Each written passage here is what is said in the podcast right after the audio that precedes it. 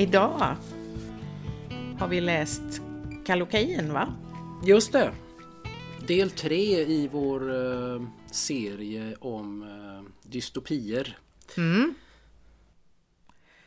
Så eh, 1984 var det och sen var det Du sköna nya värld Just det. och nu Kallocain. Och Ja. Jag tycker ju att det är lite spännande med Kallocain då för att om man söker lite grann på, sådär, på dystopier och, och på nätet så är det framförallt tre stycken Mm.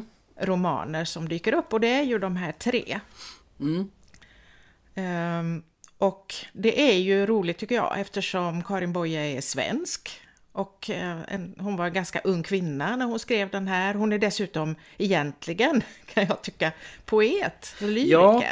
Precis. Alltså det var, jag, jag förstår ju när jag läst lite grann nu om det här eh, att det var, det var, eller ja självklart för att det, jag vet att jag hade samma tanke när, när jag stötte på den här boken för första gången. Mm. Alltså det var lite sådär Karin Boye alltså. Och så läser man om den och så jaha. Framtidsversion, dystopi.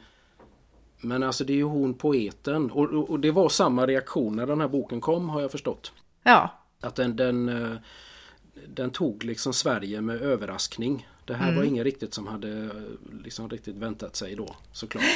nej, För Hon var ju erkänd poet, verkligen Ja. stor under sin levnad och, och var väldigt ung ju när hon debuterade. precis. Och även utomlands om man söker då så nämns den här. Den är översatt vad jag förstår eh, och Ja, en hel del och Mm.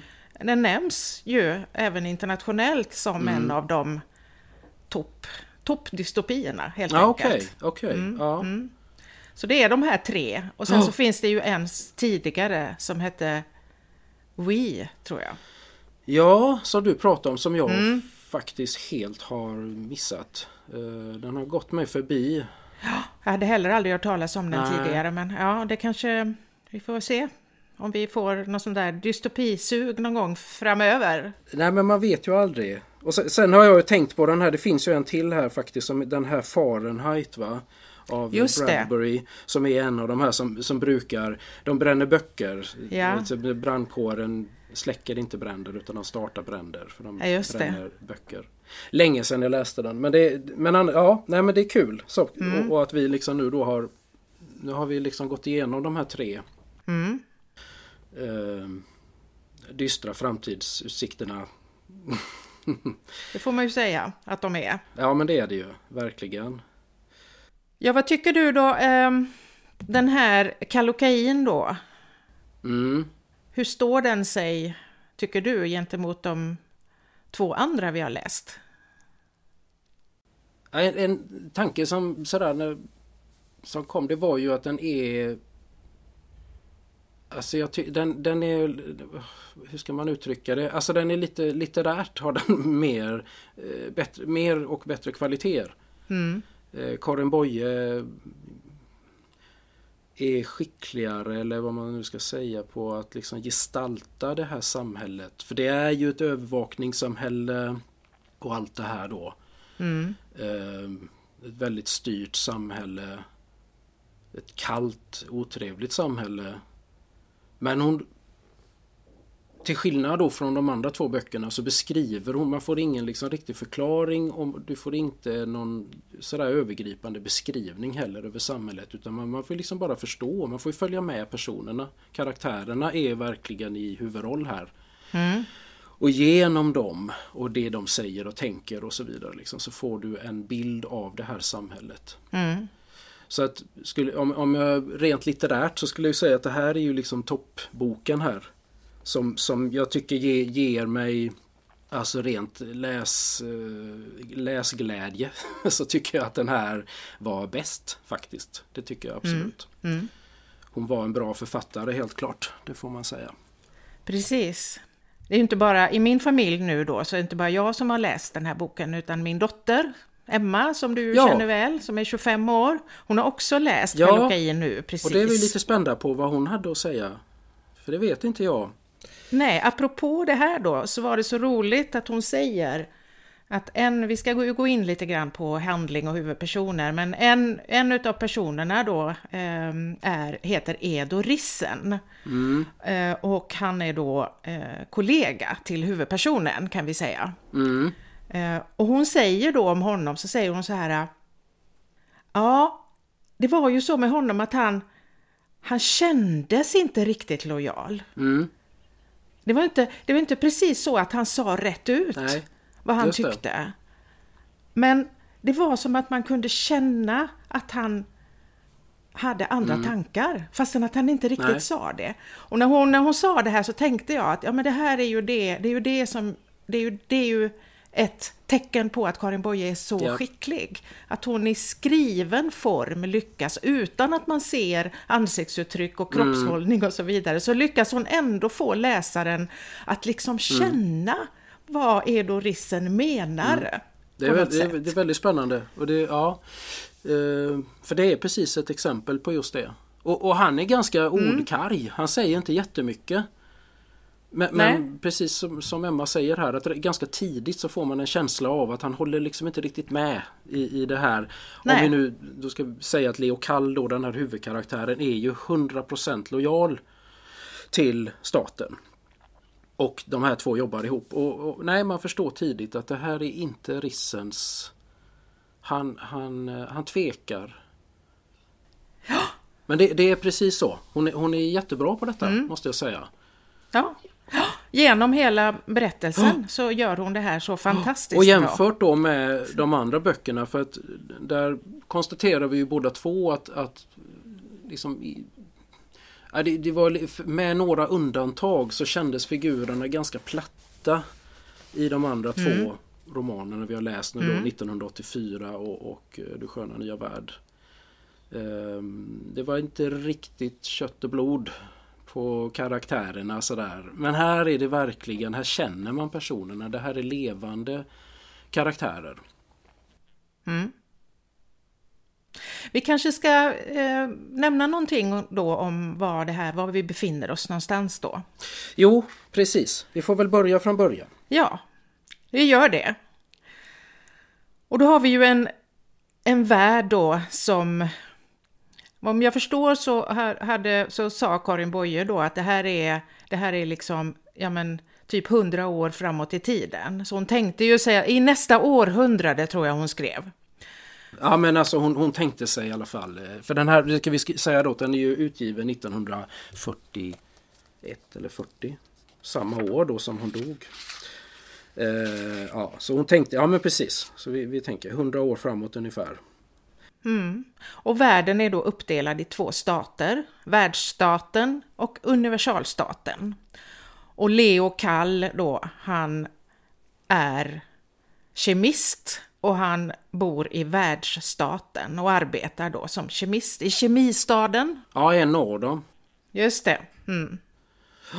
Och där lever han ja, som kemist. Leo Kall och han är gift med Linda. Och de har tre barn.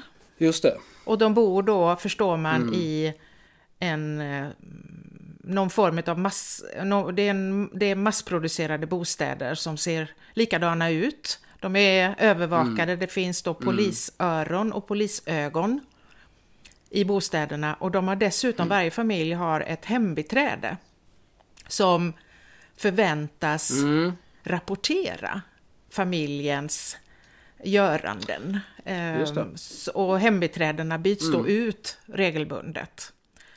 Ja, ganska ofta Precis. förstår man. Eh, Och så har de två eh, flickor och sen så har de en pojke. Pojken är äldst och han mm, har ju påbörjat sin utbildning då kan man säga eh, till då en medsoldat. Så att han är ju inte hemma då annat än på permission då och då. Och även flickorna då är ju borta på dagarna därför att de uppfostras då i en barnvåning. mm. Man känner ju igen det här liksom med, med tanken. Det Ja. har ju liksom funnits det här. Att sta, staten är en bättre barnuppfostrare än vad du är. Så att, och det, här, det har de ju verkligen fått in i den här romanen att eh, de nämner ju det Nej. också. Det är inte dina barn. Utan vi, barnen tillhör staten precis som du Ja. tillhör staten. Allt tillhör staten. Och staten är då bättre på att uppfostra. Ni kan umgås och ha trevligt och så, det får man ha. det, det är okej okay ibland. Men själva uppfostran sköts av någon slags proffs.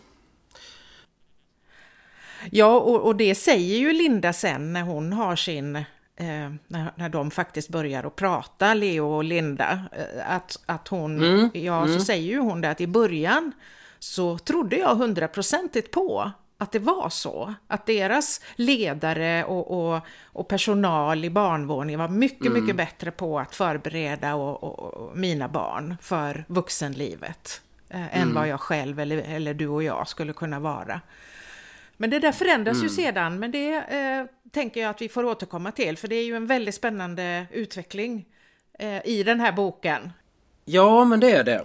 Vi kan ju, själva bokens tema då, kallokain, är ju en kemisk uppfinning ja.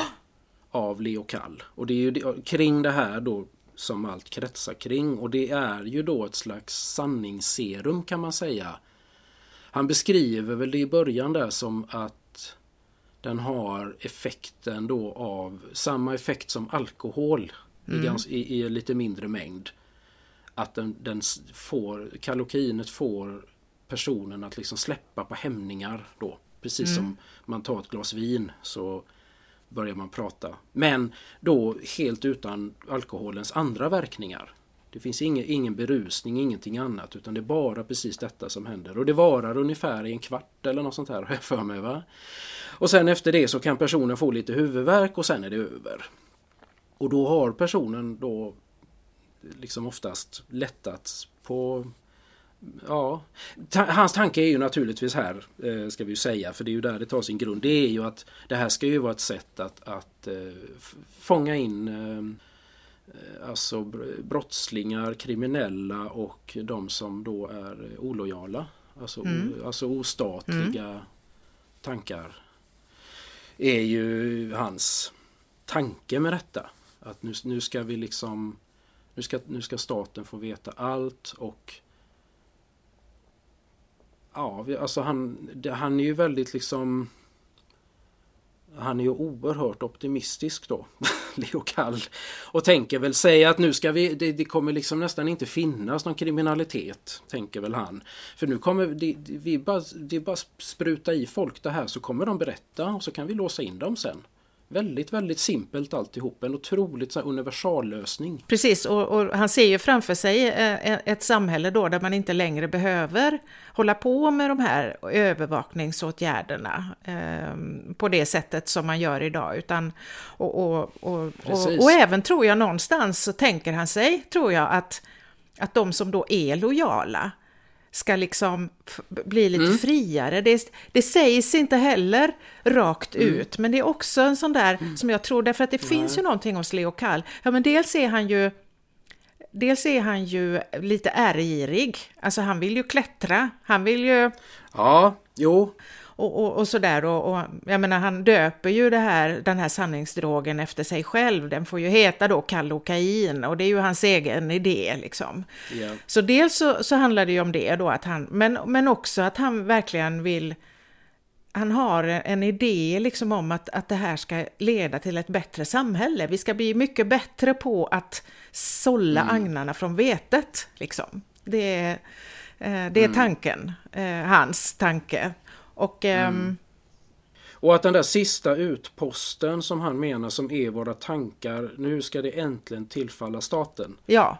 Det är det här han och Rissen pratar om då i de här samtalen där man som vi sa innan redan där förstår att Rissen är inte riktigt med på de här tankarna. Han, han tycker väl inte att det här är sådär superbra kanske. Att det där sista vi har, för i det här samhället förstår man att det finns liksom inget kvar. Allt är ju övervakat allt tillhör staten. Men i det här fallet nu med, med kallokainets utveckling så, så kommer också våra tankar, han säger ju det lokal då, att nu, då kommer våra tankar också tillfalla staten. Vilket han då i sin tycker är jättebra. Han ser det ju bara som någonting positivt då. Han tycker ju att det, det kommer bli bättre på det viset. Inga hemligheter kommer finnas kvar. Och han är nog ganska naiv tror jag, Leo Kall, i, i sin Ja, för att jag tror liksom, han tror nog på fullt allvar att det är en minoritet av... Mm. Man, man, ska, på det här viset ska man liksom kunna eh, fånga in den där lilla minoriteten av personer som tänker mm. fel och som, mm. som måste, det måste rättas yeah. till på något vis. Va? Ja. Medan då Edo Rissen redan där i det här första samtalet, tror jag det är i alla fall, så mumlar ju han någonting om att ja, jag undrar om det är någon över 40 som har rent samvete när det mm. gäller mm. det här. Så, så han föregriper ju lite det som händer sen. För det visar ju sig mycket riktigt att... Ja, det gör han ju. Ja, men vad är det de får? När de, för de, de får ju, de får ju möjlighet då att göra att genomföra test och då får, de ju använda då personer ur det som kallas för frivilliga offertjänsten. Ja, och det här är någon slags kår i, i, i staten som, som på något sätt, ja det är precis så som det låter då, att de är, de är en kår av människor som står mm. till statens förfogande i ja, alla möjliga experiment förstår man. Och jag tänker att frivilliga offertjänster, nu vet ju inte jag om det finns en frivillig offertjänst i varje stad, men om det finns det så kan man ju tänka sig Nej. att frivilliga offertjänsten i kemistaden måste ju vara mycket värre än att vara frivilliga offertjänsten i skostaden, mm. för där kanske man bara behöver prova skor. Ja, jag tror det. Där kanske man får testa nya skomodeller. Det är nog så. Nej du, de här var inte så bekväma jämfört med, med, med kemistaden. Man blir isprutad kemikalier då i tid och otid. Eh, som de då inte har en aning om vad, det, vad som ska hända liksom. Nej, och det här förstår vi ju sen när vi, när vi får möta, vi får ju möta då personer ur eh, den här frivilliga offertjänsten då. Och då kommer de ju instapplande där med, med, med liksom armarna i band och sår och brännskador och jag vet inte allt så att... Mm. Mm. Man förstår vad de, blir, vad, vad, vad de blir utsatta för då. Just det, det ska vi kanske säga här bara att eh, han, vi kommer ju in här i, i liksom, eller rättare sagt boken tar ju sin början och, och, man får redan från början klart för sig att detta är någon slags redogörelse av Leo Kall. Man vet inte riktigt vad det är som har hänt men man förstår att det här är någonting som han sitter och nedtecknar och minns. Så, så där har vi liksom uppbyggnaden då. Eh, och han, han tar ju liksom vid här då precis i det här skedet när han har fått när han kommer hem då till sin familj och får, kan berätta att äntligen, jag har fått godkänt, jag ska få testa på människor nu. Eh, på den här frivilliga offerkåren. Och då förstår man ju med en gång där att när, då frågar ju Linda vem är det som ska vara din... Han ska, vara, alltså han ska mm. övervaka experimenten. Och då är det ju den här rissen då. Och då förstår man att det är något laddat med detta för Rissen och Linda känner varandra. De jobbar på något sätt i, i samma... Vad är det de gör? De går ut på kväll, de är på kvällarna har de någon tjänst. Ja, de är ju liksom vakter, polisvakter liksom. Ja, ja men så är det ju. Så är det. Mm. Så det här är lite, det är något laddat med detta förstår man tidigt. Eh, med att de här två känner varandra. Jo, men man förstår ju ganska snabbt att det finns en eh, svartsjuka där. Och att, ja, och att han är också... För alltså Linda är ju i början där, hon är ju väldigt... Eh, vad ska jag säga? Hon, man får ju ingen riktig bild av henne, vem hon är. Och det förstår man ju efterhand att det är... Ja, men det är också den bilden som, som, han, som hennes man har. Alltså Leo har ju... Han, han, tyck, mm, han mm. förstår sig inte på henne. Han, riktigt. Och han, han tycker att, att de... Nej, ja, nej. Det är väldigt svårt för, detta för honom. och, att han är då mm, svartsjuk mm. för han tänker att hon måste, det måste finnas någon annan. Mm. mm. Ja. Så, så det blir ju, jag menar de, den, de där arbetstimmarna i labbet där är, blir ju väldigt, mm. de är ju laddade av den här av den här historien, så att säga, mm. som aldrig riktigt är uttalad mm. då, men mellan Leo Kall och Edo Rissen. Va? Att det finns där mm. hela tiden. Alltså, och det gör på något sätt också att Leo Kall har redan från början han är ju Alltså han är vaksam och han är misstänksam mm. och lite avog mot Rissen. Mm. Just på grund av detta, det här svartsjukedramat då. Eller ja, som han tror. Han vet ju inte. Men ja, svartsjuk är han. Och sen då som, som ökar då i takt med att han förstår att Rissen verkar ha han verkar inte vara helt lojal helt enkelt Precis. mot eh, staten då. Men han kan ändå inte riktigt liksom eftersom Rissen säger det aldrig rakt ut utan det är bara precis sådana där antydningar han gör. Mm. Ja, men där, så att, där, där kommer vi liksom in och då kommer ju de här personerna och de, de sätter dem i, i en stol och han sprutar in då en dos kalokain i dem. Och det funkar ju alldeles ypperligt visar det sig. Det är en alldeles eh, fantastisk uppfinning detta. För de, de här personerna börjar då prata med en gång. Öppet och obehindrat på något sätt. Jaha. Om allt möjligt eh, visar det ju sig då. Kommer ju fram här då. Man skulle ju kunna tänka sig då att, att, och det vet jag inte, det kanske var det som Leo Kall förväntade sig, men det är ju inga, det är ju inga, vad ska jag säga, eh, revolutionära tankar så tillvida, alltså det är ju inget världsomstörtande. Det är ju inte så att de kommer på att det, här, här, här, finns det en liten grupp som, som planerar att störta världsstatens härskare eller något sånt där. Det, finns, det, det är ju ingenting sånt. Nej, de får inget sånt. Det, det, är ju andra bekännelser de får men de får ju inte det här, Nej. Inga, inga brottsliga tankar, ing, ingenting sånt. Någonstans så är det ju så att allting som kommer fram under de här sessionerna med mm. kalokainet, det handlar om det handlar om relationer. Mm, det är ju bara det som egentligen som kommer fram. Mm. Och det börjar ju då med den här första mannen som vi får träffa ifrån då frivilliga offertjänsten som kommer in där och är så oerhört mm. eh, noggrann med och övertygande eh, med hur viktig hans uppgift är och hur glad han är över den uppgiften han har i samhället och alltihopa detta. Och sen så får han kalokainet och han bryter ju samman fullständigt och, och, och gråter mm. bittert över sitt öde och hur han mm. Eh, inte kan ha ett normalt liv överhuvudtaget för att han är bara skadad och skadad och han vet aldrig från den ena dagen till den andra hur hemska saker han ska mm. behöva vara med om nästa dag. Och, eh, och sen det här mest gripande tycker jag det är ju när han beskriver hur de blev um, Alltså hur de blev plockade. Eller? Ja, för de blir ju rekryterade till den här... Eh... Och det var ju på ett, un ett ungdomsläger då. Ett... Ja, just det. Och han beskriver den här propagandan då som de utsattes för och hur, hur den mm. fick dem allihopa att liksom springa till rekryteringskontoret för att och, och, anmäla sig då ja, till det här oerhört exakt. viktiga uppdraget. Och, och, hur det sedan blev med, med detta. Ja, så ja. jag tyckte det var, det var väldigt gripande. Ja men det är det, det är det. Och sen har ju det här kalokinet också den här effekten att det, det, skapar ju inga som helst minnesluckor. Så att så fort effekten är över så, så förstår ju också de här stackars försökspersonerna ja. vad de har suttit där och sagt. Så allihop blir ju fullständigt förskräckta och försöker ju på något sätt att skyla över alltihop de har sagt och säga att det där, det där menar jag verkligen inte. Jag, nej, nej, nej.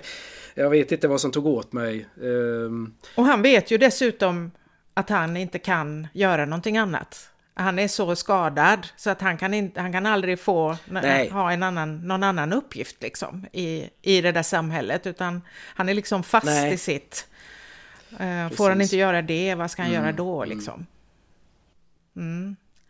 Och sen har vi ju den här kvinnan då som vi också får möta ganska ja, på djupet. Hon som, hon som då under kalokain påverkan då eh, börjar berätta om en, ja, jag vet inte, de kallar det ju sen lite för en sekt då, men det, ja, det är ju som en, en grupp människor, fast, fast det finns ju inget organiserat över det. De, hon säger ju själv, nej, alltså man känner igen varandra. Vi gör bara det, vi känner igen varandra.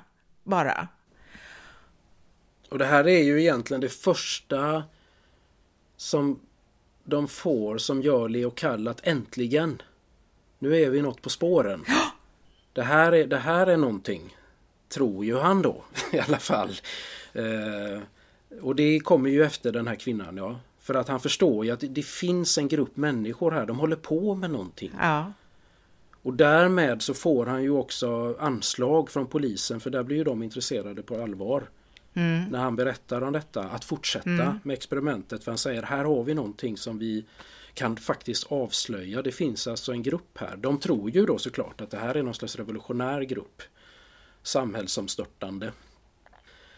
Och sen när de försöker liksom få in fler personer då som på något sätt skulle kunna ha samröre med den här gruppen så får de ju inte så mycket mer egentligen. De blir ju aldrig riktigt kloka på detta för att det är ju bara De berättar ju väldigt vagt om att ja, det, det är någon som sjunger och det Vad gör ni? Ja, vi sover tillsammans. Eh, ja, men det är lite sådana här grejer och de befinner sig i någon slags ökenstad. Precis, och, och det där förstår man ju då att det där är, det är förgiftat område. Ifrån, för det har varit något krig, någon form av revolution eller krig. Och det här är då ett område som, där ingen kan vara därför att det är till delar då förgiftat. Ehm, och de kallar ju det då för en, ja, men en öken, sönderbombad ökenstad eller något sånt där. Och, och upp, det verkar som att där samlas de eller de har det som någon form, de går dit eller, Ja. eller vad de nu gör där. Och om det är där de sover tillsammans, jag, jag vet inte. Och det får man ju inte veta heller därför att alla som, alla som de får tag på där och, och lyckas injicera då med kalokain, de är ju så här, nej men jag är liksom bara, jag har bara varit med någon gång och nej men jag blev inbjuden av en som jag, som jag känner lite grann och nej jag vet inte vem det är som, som orga, det är, nej organiserar, det är inte precis någon som organiserar heller, nej men har ni någon ledare, nej ingen ledare, det har vi, nej. Och, och så, och så beskriver de liksom situationer då och bland annat då så det här med att de, det har jag fastnat i mitt minne, liksom att de, att de sover tillsammans med främlingar för att liksom träna tillit. För att liksom våga somna tillsammans Ja. med någon som du inte känner. Mm, jag tror till och med någon av dem berättade att det ligger en kniv öppet på ett, på ett bord där. Eh, och den bara ligger där. Ja. Och, och Leo blir ju påverkad av det här på, på flera sätt upplever jag. För att å ena sidan så blir han, han blir liksom, han blir lite arg och irriterad och, och, och, liksom, och samtidigt så blir han lockad av det. Han kan inte släppa, han kan inte släppa tanken på det här som, som alltså de här personerna då, när de är då ja, men, drogade och berättar så finns det någonting i deras röst, i deras berättelse som får honom, upplever jag det, att liksom gå utanför sin egen Leo Kall-personlighet, eller vad man ska säga. Alltså den handlar ju väldigt mycket om tillit just den här romanen. Och han... Del, alltså för att i det här samhället så... Det bygger ju egentligen på att du inte litar på någon överhuvudtaget. och vi får ju flera exempel på detta då. Att, och det, det sitter liksom inbyggt i de här människorna att du kan inte lita på någon. För hur ska du kunna göra det? För du vet ju inte vad personen tänker. Eh, jag vet att han har ju lite senare så har han ju när han ligger där och funderar på hur Hur kan jag ligga här och sova med Linda? Och det, alltså till och med då den som han är gift med Börjar han, har han de här tankarna ändå att vad hur, hur kan jag lita på Jag ligger ju här och sover helt oskyddad. Hon kan göra precis vad som helst. Ja, Och, och någonstans så ser han ju liksom att det här är ju... Han ser inte det sjuka i tanken utan han ser det, det vansinniga snarare i att göra det. Så att säga va. mm. Och det, det här genomsyrar ju hela romanen detta. Och, och man förstår ju att det här är ju en grupp då som har eller de är, ja, jo men de är en grupp fast de är som ingen organiserad grupp. Men det är ju verkligen det det handlar om. Att det, det, är det, det är det enda de gör liksom. Det är att träffas för att lita på varandra. Det är allt. Det finns inget annat. De gör inget annat. De bara försöker öva sig i tillit helt enkelt. Och, och att hitta tillbaka till det. Tilliten liksom. Som de någonstans känner att de saknar eller har någon slags vagt minne av. Eller sådär. Mm, att det har funnits ett samhälle en gång när vi litar på varandra. Just det. Och, och, det är klart att det här blir ju oerhört provocerande för, för Leo Kall då eftersom han har ju bestämt sig för att han är en hundraprocentigt lojal mm. eh, människa, medsoldat, som är till för staten precis som alla andra. Mm. Men i sitt inre hela tiden, ända från början, så har ju han den här gnagande känslan av att han, att han inte mm. känner sin fru. Och att det stör honom att han inte känner henne.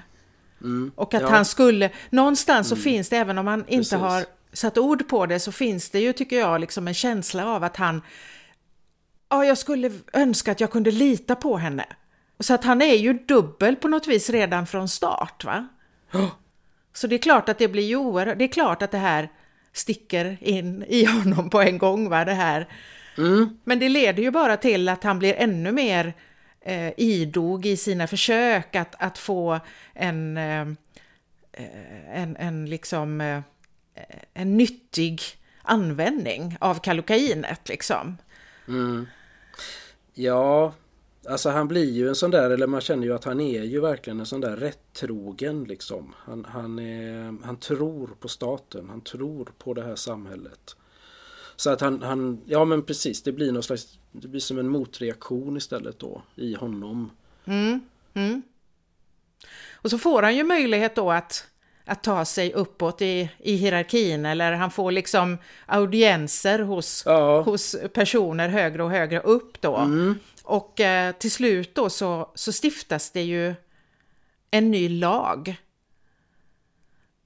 som ska göra det möjligt då att mm göra kalokainanalyser på alla utan, utan att man egentligen, för man, tänk, man tänker ju sig då, ja men hur ska, det här, hur ska vi kunna använda det här nu då eh, efter försöksstadiet liksom? Mm. Vad, ska, vad ska grunden vara? Ska det finnas en misstanke mm. om någonting? Hur ska vi fånga in dem som, som tänker fel liksom? Eh, och hur ska vi få rätt då, alltså möjlighet eh, att, att liksom testa dem med kalokain. Och då är det ju någon, då är det ju polischefen där som kommer på liksom att ja men vi stiftar en ny lag mm. som gör det förbjudet att tänka förbjudna mhm. tankar. Mm. Eh, och, och, att, att, och, och, att det då är, är, det går att bestraffa, eh, liksom lagligt då. Mm. Eh, och, då och det gör ju då att det leder ju till liksom att, att man kan göra kalokainanalyser på alla, naturligtvis. Varenda en. Man, det, eh, och man har ju, mm. när de resonerar mm. om det här så har mm. de ju en tanke om liksom att, att alla då, samtliga invånare ska genomgå kalokainanalys regelbundet. Mm. Och, och, och, här ställs det ju liksom på sin spets allting, får man ju säga. Japp. och här får vi också, om man liksom ska eh, ja, men, dra den här tråden så långt det går, så, så slu, det, det, blir ju katastrof av, av det här, därför mm. att det mm. visar ju sig att det är ju ingen som är rättro, rätt trogen, det är ju ingen som tänker rätt. Få, och det här får vi ju inte riktigt, det här får vi ju inte vara med om riktigt, utan det är ju, något, det är ju sånt här som vi får höra liksom via Leo, att han har hört, ja plötsligt så var ju polischefen hade ju blivit fångad för att han hade ju felaktiga mm. tankar mm. liksom. Och, så det, det blev ju inte riktigt bra det här, för det, det visar ju sig att det är ju ingen som tänker rätt. Så effekten av det här blev ju, ja nej det blev inte alls så som, som han hade tänkt liksom. Eller den här utopin som han hade här liksom. Av, av eh, utan det, det, det följer ju på detta liksom att, att människor är människor bara. Jag, jag tänker att det, att det är en av, av Karin Boyes liksom, ja men det är en av de viktiga sakerna som hon vill säga tror jag med den här romanen. Att, mm. Mm. Att det mm. finns, det finns inget sånt. Det går liksom, det går, du kan inte, alltså du, du kan ju naturligtvis döda och piska och bestraffa människor Ja, tills du inte har något, men då, det, ja, det slutar ju med att du inte har någon kvar. För det finns inga, det finns ingen som är rättrogen. Du kan liksom inte, ja, du kan inte rensa ut folk på det viset, för ing, det kommer inte att bli någon kvar. Och det är ju precis det som Edo Rissen säger där i början. Ja, exakt. Han har ju den här insikten redan med en gång här. Men sen har vi ju det här eh, spännande då med, med relationen då mellan, mellan Leo och Linda då, därför att allt eftersom allt det här händer då och allt eftersom Edo Rissen blir ja, men lite mer frispråkig allt eftersom tiden går och faktiskt liksom, Mm. han säger ju vid något tillfälle, är det inte han som säger du, du längtar allt till den där ökenstaden du, Leo, kall. så, så stackars Leo, han blir ju liksom tryckt från, eh, pressad från alla håll här då. Och sen den här frustrationen över Linda då. Exakt. Så att en natt så överfaller han ju Ja. henne i sömnen och injicerar henne med kalokain för att han inte står ut längre med att inte veta vad hon tänker. Det är fruktansvärd eh, scen liksom på något sätt det här. I sin liksom Ja men desperation och att han, att han liksom inte kan hitta det här. Att han faktiskt inte kan lita. Och att han liksom, för han, det, han har ju gått och tänkt på det här liksom. Och så till slut så kan han inte stå emot längre. Han bara måste veta. Vad är det som rör sig där inne? Nej men samtidigt har han ju också angivit Edo Rissen. Ja det har han. Så det här sker ju liksom i, i ett, alltså som någon slags, det är liksom allt på en gång. Och då blir det ju, ja jag vet inte, det, ja ja. Medlet håller i en kvart, 20 minuter. Men där får hon ju äntligen möjlighet att prata Linda.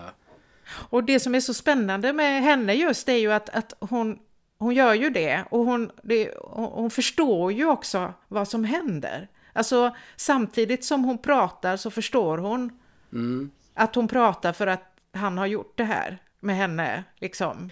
Och återigen så visar det sig att det finns ju ingenting mellan henne och Rissen. Alla hans liksom misstankar var helt grundlösa. Istället pratar hon ju om helt andra saker. Han ville ha sina misstankar bekräftade och han fick något helt annat. Ja, det var ju det enda han ville ha egentligen. Det hade ju också på något sätt, tror jag, för hans del alltså, legitimerat då hans att, att, att han, ja men Rissen var en, en opolitlig typ liksom. Han har dessutom haft ihop det med min fru här. Men inte ens det fick han. Och det som, är, det som är ännu mer spännande tycker jag just med Linda är ju att ja, men då, då, då händer ju det här va, på natten. Och, och de har den här stunden och han i någon slags, eh, jag vet inte vad jag ska säga, någon slags förskräckelse på något vis bara tittar på henne och lyssnar på vad hon säger. Och sen så somnar hon om. Och så somnar väl han också. Och så, ja, och sen är det morgon och hon har redan gått till jobbet. Och, men sen på kvällen när hon kommer hem så, så fortsätter hon utan kalokain. Så säger hon, ja, nu bröt du upp mig som en konserveburk. Men ja, jag tänker fortsätta och prata. Och så gör hon ju det och har ju en, en helt fantastisk monolog där. Som jag tycker är så, den är så central i, i boken. Ehm, för där berättar ju hon då om sin egen utveckling.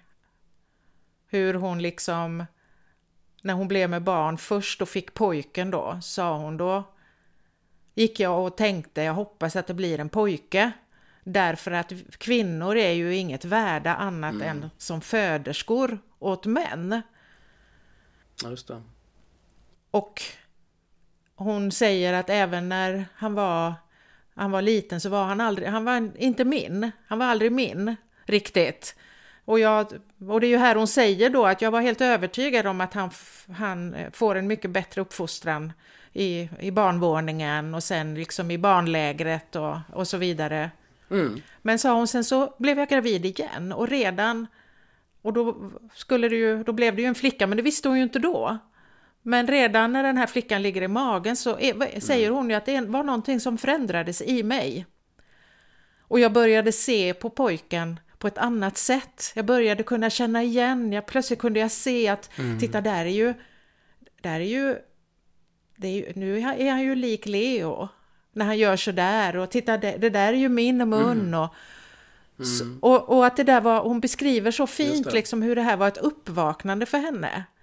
Men att hon också beskriver att hon liksom var, eh, att hon blev liksom som en, ja men mer som en djurhona med sitt barn. Och så, så, så säger hon ju då att när, när andra barnet föddes så var det en lång och komplicerad förlossning och att hon då i efterhand tänker att det var för att hon inte ville ge ifrån sig barnet.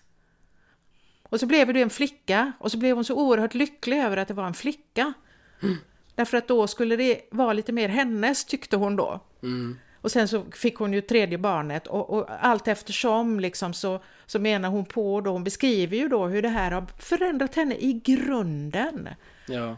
Från att vara liksom en lojal medsoldat som födde barn för statens bästa Mm. till att, att bli en medskapare. Det är jag som skapar och det har ingenting med staten att göra. Vi, du och jag, vi skapar Mm. vår familj. Och de är våra och samtidigt är de sina egna.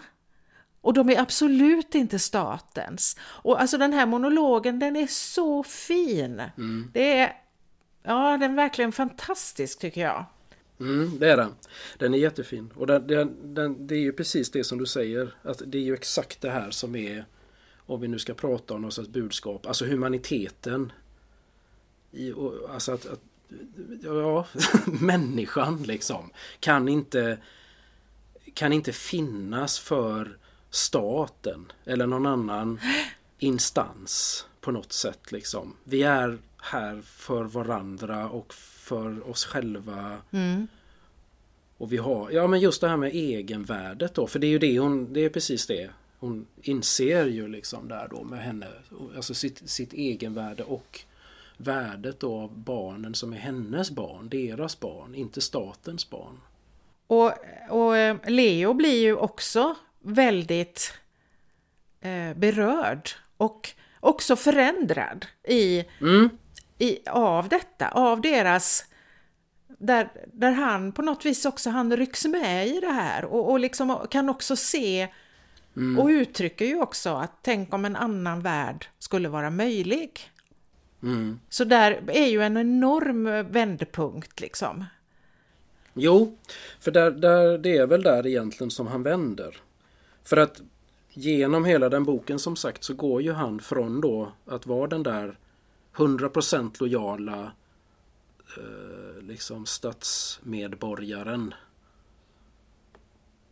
till att ju faktiskt när, när, när boken alltså till slut så har han ju vänt liksom. Då har han ju förstått faktiskt. Då önskar han ju att de här tankarna får leva vidare snarare än att staten får vid, leva vidare. Det är ju liksom hans den där sista önskan han liksom lämnar, eller vi lämnar honom med liksom. Så är det ju att Rissens och Lindas tankar får på något sätt leva, leva vidare då och växa snarare.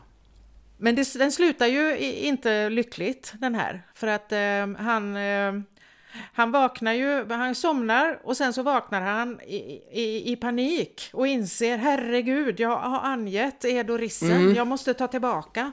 Det här går inte, så han rusar iväg liksom.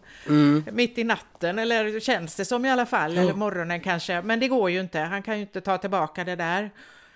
Ja, sen så är ju Linda borta. Hon, hon försvinner. Och i nästa stund, nästa sak som händer är ju att de blir att, att de blir invaderade av den andra staten då, universalstaten. Precis. Och Leo blir tillfångatagen. Mm. Eh, där finns ju en väldigt rolig scen. Det, det, det är nästan den enda roliga. Den här, det, är, det ska vi säga, det här är en väldigt, väldigt allvarlig bok.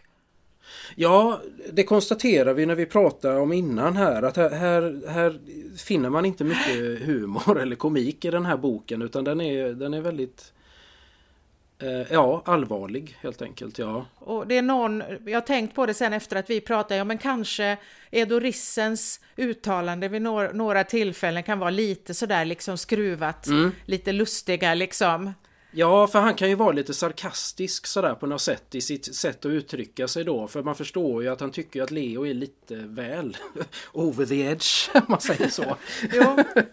Så att, så han, kan ju, han kan ju ibland uttrycka sig lite sådär. men sen är det ju den här, jag vill säga eh, nästan slutscenen, alltså, och det är ju då eh, när, när, när Leo då är ute, han är liksom ovan jord då, han är ute och när eh, eh, soldaterna ifrån den andra staten liksom landar då och hur han totalt fullständigt misstolkar det här. Precis. Det här är så bra. Eh, Faktiskt tycker jag. Det är så fantastiskt bra Hur beskrivet han liksom detta. först tänker så här, vad...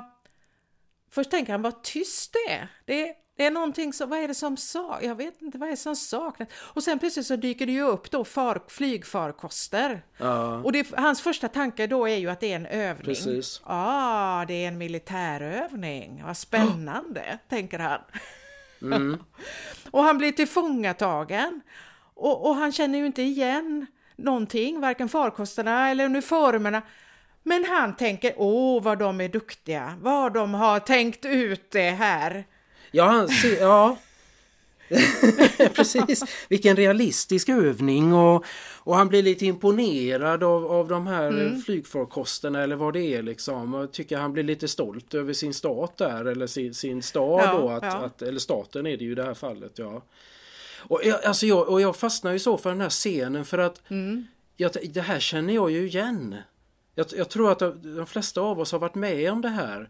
Allting talar liksom för, för att ja, det behöver ju inte vara katastrof, men att någonting är fel. Men någonting i mig vägrar att inse. Och det, är så, det, det här är en sån där, jag har några fler sådana här där jag känner där, man, där, där hon så tydligt visar vilken, vilken fantastiskt bra författare hon var. Ja, Eh, för att jag tycker det är så bra beskrivet detta i att det är inte det att han inte vill se det utan det är snarare hans undermedvetna som bara vägrar. Att han, det här med att liksom bara tolka det fel. Så att det blir bra. liksom, tills det inte går längre. Tills han till slut måste ju inse liksom att jaha, det, det här är en invasion. Universalstaten har ockuperat. Jaha, det var så det Ja. var. Men det tar ju tid det här liksom. Och jag, jag kan inte nu, jag har försökt att tänka på vad är det, men jag vet ju att jag har liksom varit med om sådana här situationer fast det är ju liksom i mindre skala såklart. Men det jag efteråt har sett kan se att men herregud, varenda tecken tydde ju på det här. Men jag bara, det var, jag, jag bara inte läste det. Jag bara omtolkade det. Det är jätteintressant. Så det, det, jag tycker det är liksom för, fantastiskt bra. Eh, jättefin scen på det viset. jo men det är ju det och jag kommer ju att tänka på de här när man, eh, om man jobbar du vet på en större arbetsplats och så har man eh, såna här brandövningar och man har liksom eh, såna här instruktioner och rutiner för utrymning och sådär va. Och, och när man går såna där utbildningar då, då får man alltid veta liksom att ja men det finns en grupp som aldrig går ut när det är brandlarm. Och jag såg till och med en film om det där va. Eh, där de hade med skådisar så här, där de hade liksom illustrerat det här då, liksom med en snubbe då som sitter vid sitt skrivbord då va. Och, och, och, och det, det, det, larmet har gått va och det bara tjuter i hela huset och det är lite rök som kommer så här och han bara nej, nej men det är bara övning. De har kommit på ett nytt sätt nu så att de simulerar rök så att det ska bli så, så Det ska visa verkligt och realistiskt som möjligt här. Ja, ja, exakt. och ändå då står det folk bredvid, kom nu, det brinner. Åke, och han bara nej då. Nej.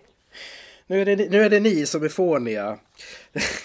Nej men det, det är precis en sån situation. Eh, typ. Man, alltså för att det, det är något väldigt välbekant och känner jag något väldigt mänskligt i detta liksom. Att inte riktigt vilja att liksom Ja men jag tänker att det, det är något som stänger av liksom. För det är inte medvetet man gör detta utan det här är ju liksom hjärnan som bara stänger av och bara, bara tolkar om alla signaler som är hur tydliga som helst. För det är det här, alltså alla tecken tyder på att, att, att de är in, utsatta för, för en invasion här, liksom en ockupationsmakt. Det finns liksom ingenting här som talar för något annat. Men han, han hinner liksom åka med dem till och med i någon slags transportgrej där liksom och, och, och han är bara glad. han tycker bara det här är, är, är var ju fantastiskt att få se det här liksom. Vad roligt. Jag kan tänka mig nu, nu när jag sitter och tänker på det så kan jag tänka så här, ja men tänk dig, tänk dig att det kommer liksom på vägen här så kommer det så här tio stycken eh, militärfordon, du vet sådana här eh, täckta lastbilar Ja, va? exakt. Sådär. Och så kör de här va? Och så, och så går de in i husen och säger nu får ni följa med här.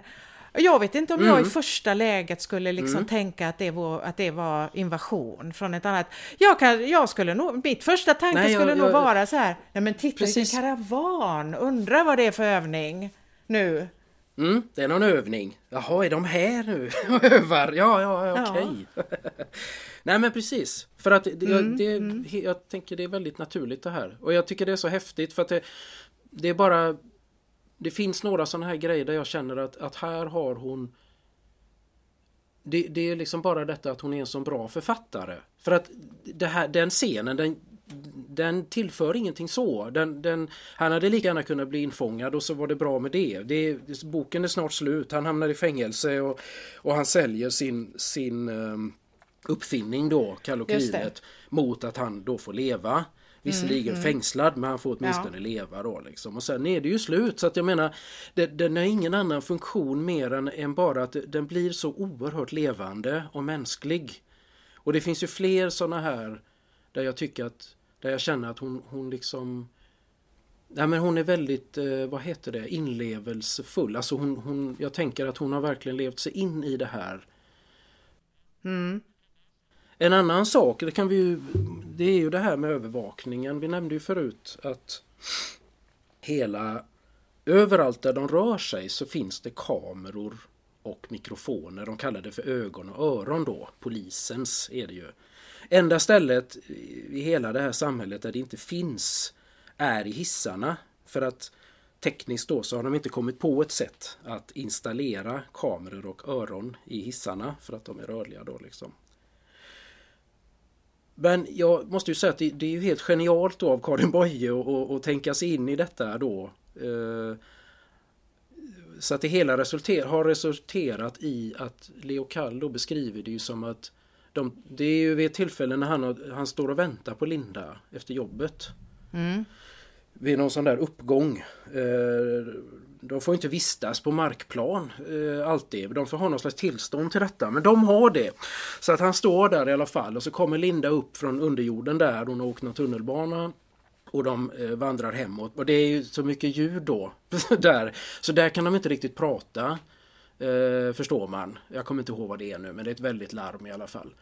Eh, och sen kommer de in då i sitt hus, den här jättebyggnaden. Och så kommer de in i hissen men där pratar de inte.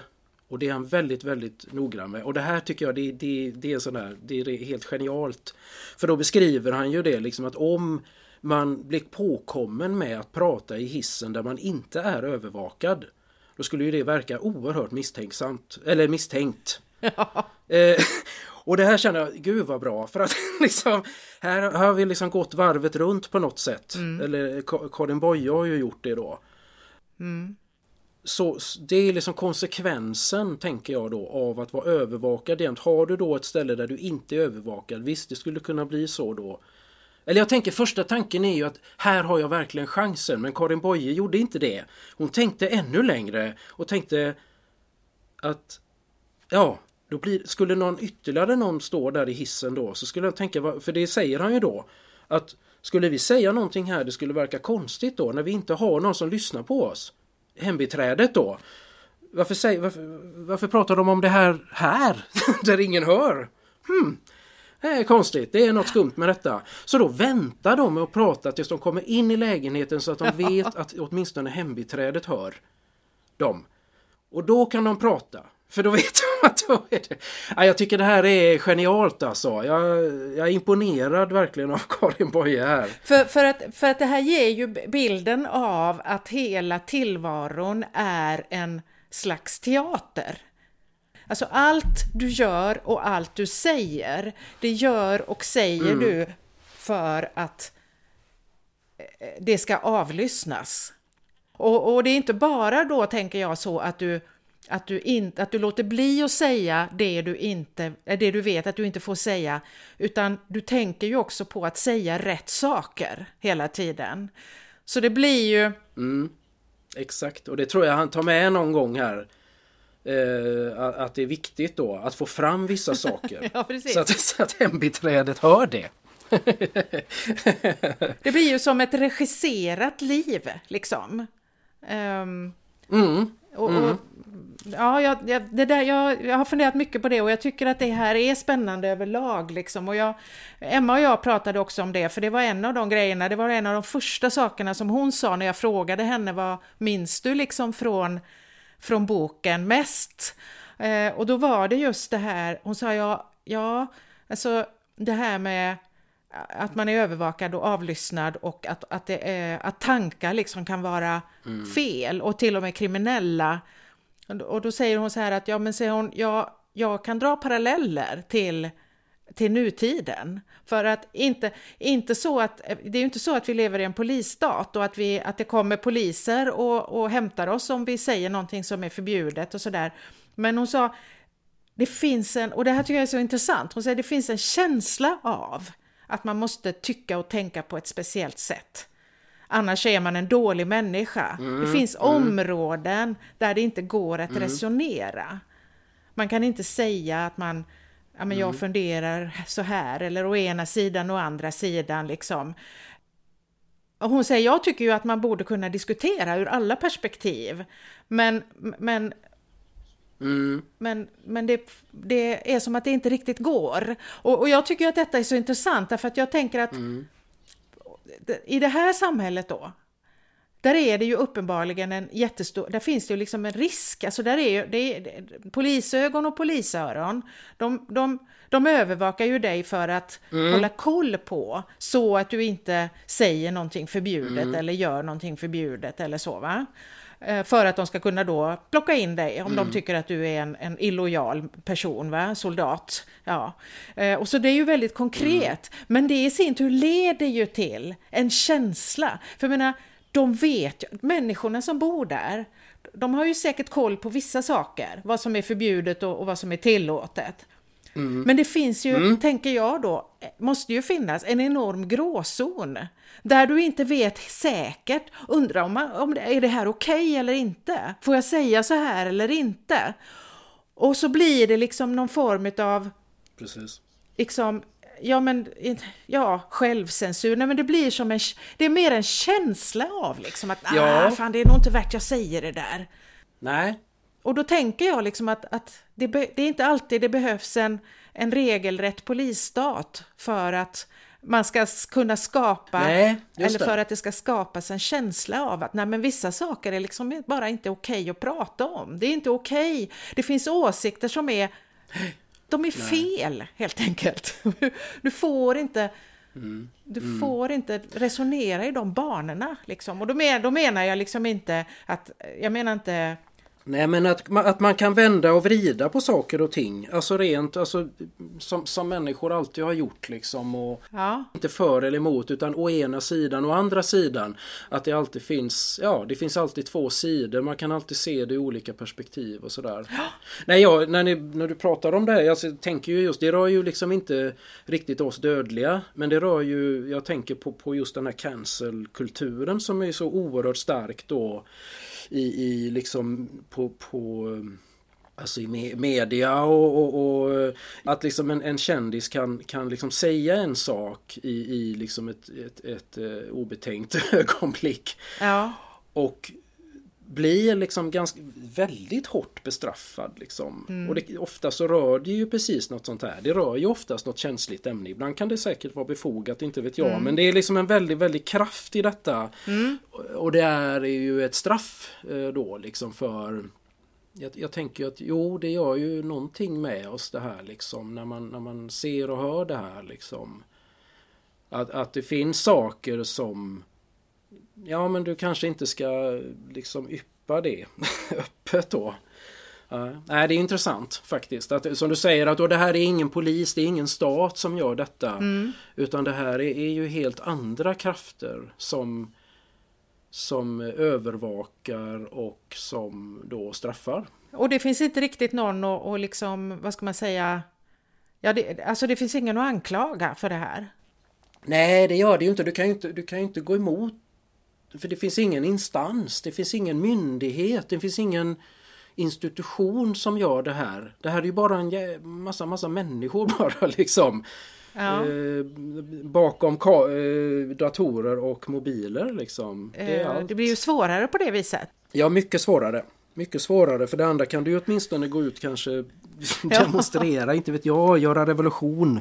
Vi, vi, vill inte ha den här statliga kontrollen längre. Men det här är ju extremt mm. svårt att, att, att gå emot ens om man var många. Jag vet inte För det finns ju som du säger inget riktigt att gå emot här. Nej, och jag, jag, på ett sätt tänker jag att vi skapar det tillsammans. Ja, men vi är ju alla del i det då, eh, snarare. Mm.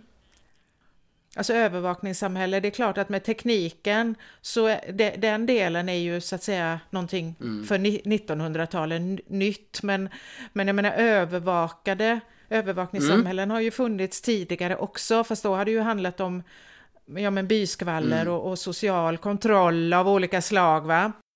Jo, men precis. Men jag menar, eh, det är ju lite samma, jag tänker att det är samma funktioner, eller vad man ska säga, som det är samma, samma grejer som dras mm. igång. Va? Mm. Det här med att du passar dig för vissa saker och gör mm. inte si och gör inte så, man klär sig inte det och man mm. säger inte detta och man går till mässan då för ja, annars så och så vidare. Va? Mm.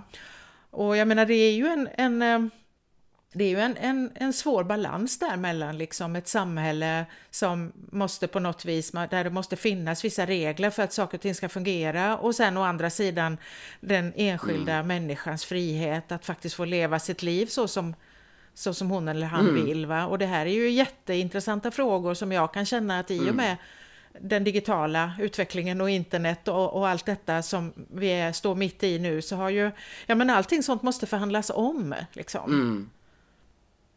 Ja, det är verkligen så. Och en annan del i det, det var ju då när jag började fundera på det här med övervakning. För man pratar ju så mycket, vi, alltså vi pratar ju idag väldigt mycket om att, att vi idag är så övervakade. Att vi, vi är mer övervakade än någonsin idag. Fast det blev ju inte riktigt som vi, vi trodde. Vi, vi tänkte... Alltså, och då, då, det slog mig då liksom att, att jag... Alltså, om jag nu tänker mig in då liksom de här Orwell och, och Boye då liksom på, mm. på 40-50-talet här liksom.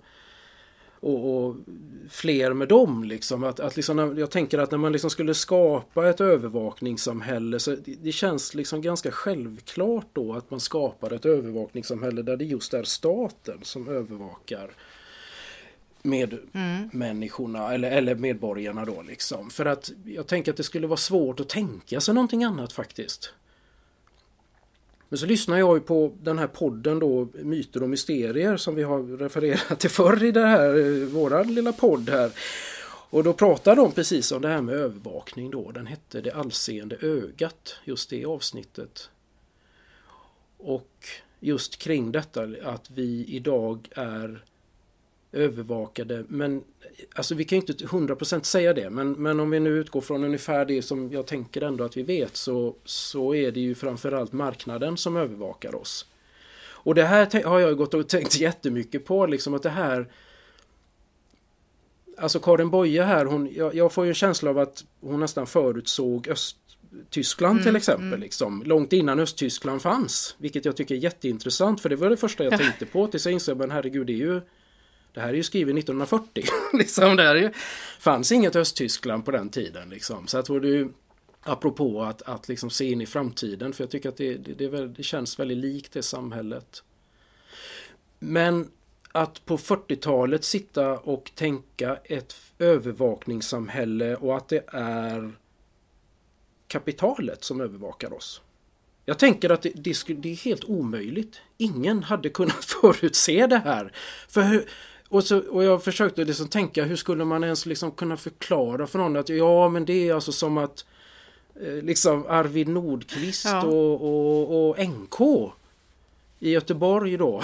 det, det är de mm. som kommer övervaka oss i framtiden. De kommer vilja veta hur vi rör oss, hur vi tittar i deras skyltfönster, mm. om vi mm. stannar och tittar lite längre på någonting. Och det här, det är så intressant att tänka liksom att det är det samhället vi har idag. Det är den övervakning som sker. Här finns pengarna. Eh, enormt mycket pengar i just detta liksom. Och jag får en känsla av att den här övervakningen, det är ju inte intressant vad vi tänker och vad vi, utan man är ju bara intresserad av just detta. Vad är våra köpvanor? Mm. Vad, vad, hur rör vi oss i samhället? Hur rör vi oss i staden och i affären och så vidare. Och så vidare liksom. Exakt, och vad letar vi efter? På, på, på, vad googlar vi efter? På, vad googlar vi efter, vad söker vi på nätet och allt det här. Och allt detta skapar liksom då en, en, en, liksom en, ja, men en övervakning av just beteende. Eh, konstaterar ju de där då liksom i den här myter och mysterier. Att det är det som är det intressanta. Våra vanor och beteenden. Inte vad vi tänker, inte vad vi tycker, inte vad vi nej, det är inte så intressant. Utan det är bara pengar i detta. Det är egentligen bara kapitalet. Och då slog det mig det att det hade varit fullständigt eller jag, jag, tror det. Jag ska inte säga att det är omöjligt, men jag, jag, det känns nästan omöjligt att man på den här tiden skulle kunnat skriva, hitta på den övervakningen vi har idag. Nej, men jag tror inte det, för att det enda som liksom tangerar det i, i de tre dystopierna vi har läst, det är ju Det sköna nya värld och då handlar det ju snarare om mm. en form utav eh, eh, alltså kommersialism i form av, av att du ger människor en massa förströelse. Eh, att, att du ska liksom, du ska konsumera snarare. Ja. Det handlar om själva, själva konsumtionen. Precis. Så, så, och att du lite håller människor, det pratar vi om i det avsnittet, du håller människor i schack lite genom att, att förströ mm. dem liksom med enkel underhållning hela tiden. Och det är ju egentligen det enda som ens kommer i närheten. Men jag tänker liksom, ja men 30-talet, det var ju, allting sånt här var ju så fruktansvärt nytt då. Det var ju, alltså det här med reklam var ju helt nytt. Jag kommer mm, ihåg, mm. det måste ha varit någon, och jag minns inte alls vad den hette, men det är en sån här 40-talsfilm vet du. Med någon av de här äh, kända mm. skådisarna, du vet de här farbröderna som säkert inte var så gamla, men de såg jättegamla ut. Mm. Tor Modén och dem. ja. ja, men precis. Och då var det ju liksom någon som hade varit, man hade varit i USA eller vad det var och så kom han och så reklam ska vi ha och du vet. ja, just det. Nej, det var det, det senaste, senaste heta. Och, och jag menar, under samma tid kom ju den här, eller det vet jag inte, men jag tänker att det finns ju någon sån här låt, du vet, allting går att sälja med mördande reklam. Ja, Ulf Peder Ollerog vill jag inflika där. Eh, kom och köp konserverad gröt. Ja precis. Mm. Och jag menar det, det är väldigt sofistikerade och förfinade systemet som vi har idag för att få människor till att handla grejer. Mm. Du vet det är ju liksom mil ifrån det där. Ja alltså det är så komplext att det är ju ingen riktigt som förstår det längre. Alltså den, den vilket liksom gör ju återigen om vi ska återgå till det vi pratade om innan att även det här med, med, med straff-cancel-kulturen och det att det är ju samma med detta. Att ja. hade vi haft en stat som övervakar oss det hade, det hade ju varit väldigt ja. mycket lättare att liksom Det hade vi återigen, precis som det andra, då hade man ju faktiskt kunnat liksom gå emot det. Man hade kunnat skapa, starta en, en, en motrörelse, att vi vill inte vara med på det här längre. Men det här systemet som vi har idag som övervakar oss via våra apparater.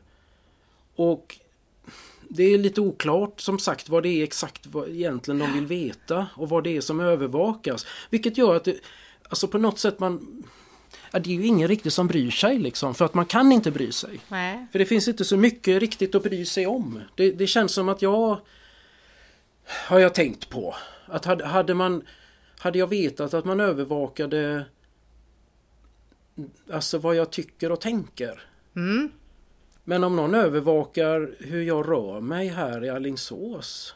Det känns som så att ja, det, ja men gör du det? Ja. Eller liksom det blir, blir likgiltigt på något sätt. Det känns ju inte speciellt farligt. Men i sista änden då så, så genererar det liksom att jag får upp saker i min mobil. Mm. Det, är ju, det är ju resultatet av det hela. Eller på datorn då liksom. Att jag får upp reklam. Jag, såg, jag fick en sån här bild framför mig. Hur, alltså, jag är ju sån där, men det är bara för jag är serietecknare och så tror jag. Att man liksom... här, må, att, att liksom man skulle gå där jag tänkte med NK i Göteborg. Och så går du där och så råkar du stanna till mm. någonstans vid, vid skyltfönstret. Titta lite extra på, på en vara där. Och direkt när du kommer in i varuhuset så står det någon där. Baddräkt säger den. Och så priset då kanske. Och sen nej, jag vet inte. Liksom. Och så blir man lite sådär, varför står han där med en baddräkt liksom? Och så kanske man kommer på efteråt, ja, ah, titta lite extra på den där kanske. Eller så får man aldrig veta det. Men det, det, det är liksom, om man skulle försöka att översätta det här på något sätt. Eller du går in i, i en annan affär sen liksom, och där står det plötsligt någon baddräkt.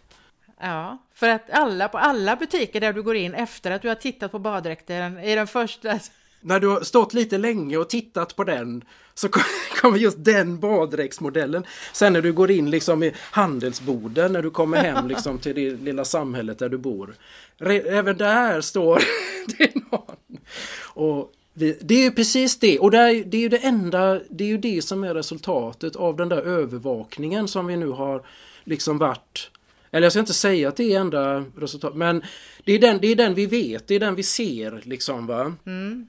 Jag, jag kan tänka ibland va, att vi är lite för, ja men vi är liksom lite godtrogna. Vi tror ju vi tror ju liksom att, att, att, jag menar, vad vet vi om var den där datan hamnar någonstans till slut?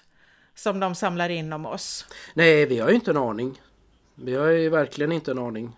Vi vet bara att det finns väldigt mycket information där ute om oss.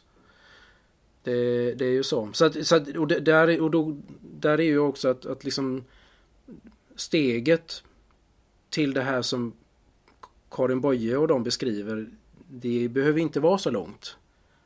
Det är bara att vi, vi, vi ser det ju inte idag, precis som du säger. va? Alltså, idag är det marknaden som är intresserad.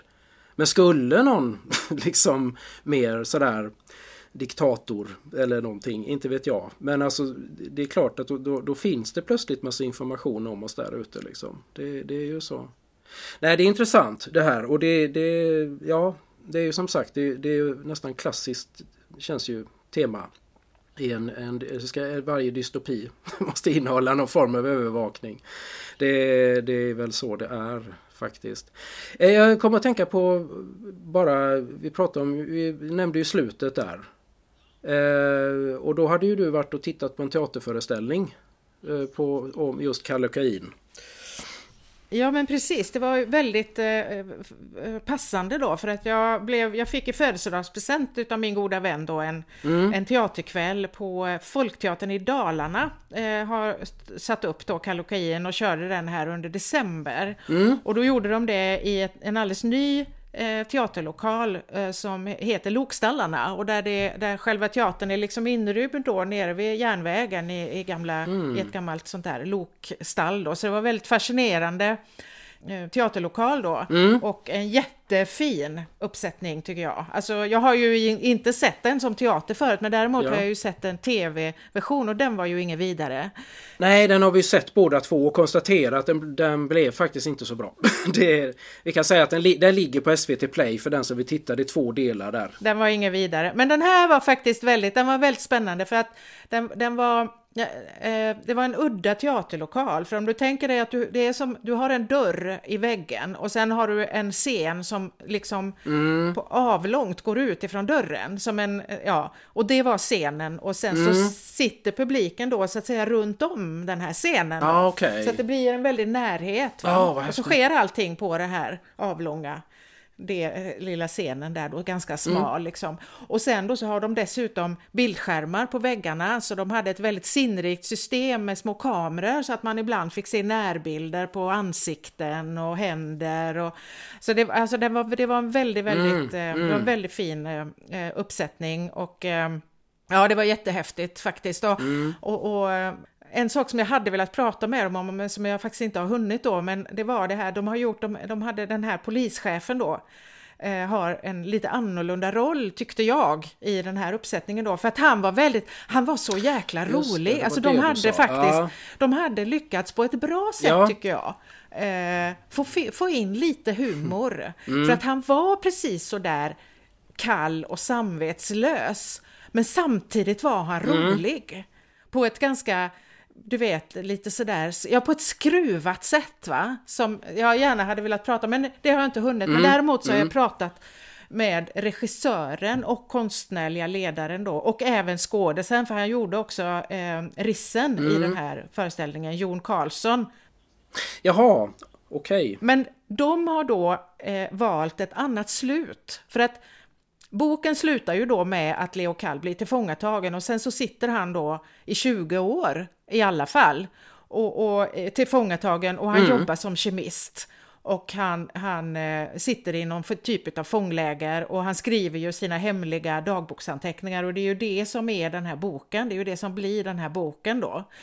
Eh, så att där är ju, och vi får ju inte veta någonting annat än att det är en, den andra förtryckarstaten liksom som har tagit över va? och att, att det där mm. som öppnades då hos, hos Leo och Linda, det, det, det kom ju aldrig någon vart vad vi vet. Nej, inte vad vi vet, nej. Och det enda som sagt det är ju att han då, han tänker ju någonstans där liksom att, att, eh, att jag hoppas liksom att de här tankarna på något sätt får leva vidare då liksom. Men där är det ju stopp. Vi lämnas ju där, som sagt. Exakt. Och i teaterföreställningen, den tar slut eh, med, alltså egentligen efter, alltså efter att Linda då har haft sin, sin monolog. Och mm. så vänder ju, det pratade vi ju om för en stund sedan här, att Leo han vänder ju då. Och de tillsammans har ju en slags, ja ett samtal om, där de, där de pratar om, tänk om det är fler som, tänk om det finns fler som vi, säger ju de där. De blir ju liksom ett vi och, och Mm. liksom eh, och tänk om det finns fler, tänk om en annan värld är möjlig. Ett sånt resonemang har ju de. Och där Mm. slutar den föreställningen med då att Leo då liksom rör sig ut ur byggnaden och så får man se honom på de här bildskärmarna Mm. och han då har en avslutande monolog där han då välkomnar den nya tiden. Okej. Eh, och jag vart ju jätteförvånad över detta. Jag hade ju läst boken. Ja, det jag bara, förstår jag. Vi hade precis läst den. vad är det här? och, så att jag var ju tvungen att fråga då. Eh, så att jag, jag, vi pratade, eh, min väninna och jag, vi pratade lite med, med ensemblen då efteråt liksom. Och sen så, och så fick jag då Mm. lite kontaktuppgifter och så skickade jag några frågor då.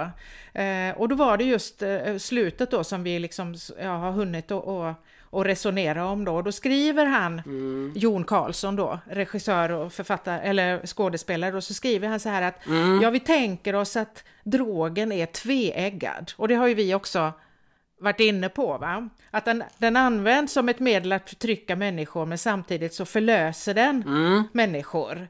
Och människor då som har varit tystade hur länge som helst får äntligen möjlighet att säga och tycka det de har inuti sig liksom. Eh, och de tänker sig då liksom att Leo Kalls Leo Kall bidrar till att skapa en ny värld. Alltså det är inte hans mening. Men genom sin uppfinning då så gör han det möjligt för de här människorna som får uppleva den här drogen då va, att faktiskt upptäcka sitt inre väsen då, eller vad man ska säga.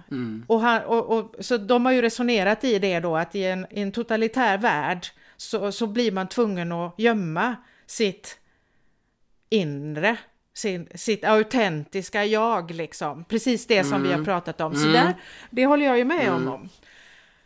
Och sen så, så, så skriver han så här att för oss var det viktigt att låta revolutionen och frigörelsen bli större än de totalitära människornas makt. Mm. Och han skriver så här, jag tycker att det finns tankar i boken om en natur som överlever trots krigen och förödelsen på ytan. Och att människans inre godhet och tankar och, och eh, om livet då, att det liksom är ett oförstörbart, magiskt väsen. Jag förstår tanken, absolut. Absolut. Nej, den kan jag köpa. Definitivt. När jag läser det här, eh, nu har jag inte haft möjlighet för det har, av praktiska skäl, inte haft möjlighet att prata med honom och ställa följdfrågor och sådär, så det skulle jag gärna vilja göra. Men, men när jag läser det här så, så, ja, men jag fattar vad de menar och jag förstår också vad de vill, vad de vill göra. Liksom, för det är, inget, det är liksom inget lättköpt lyckligt slut bara, utan att det, fin det finns ju en tanke bakom det. va? Ändå att de, de, jag tänker mig lite att de, ja men jag tror, det här är ju mina ord, det är inget som han skriver då, men jag, jag kan tänka mig liksom att, att man också vill gjuta lite mod i människor.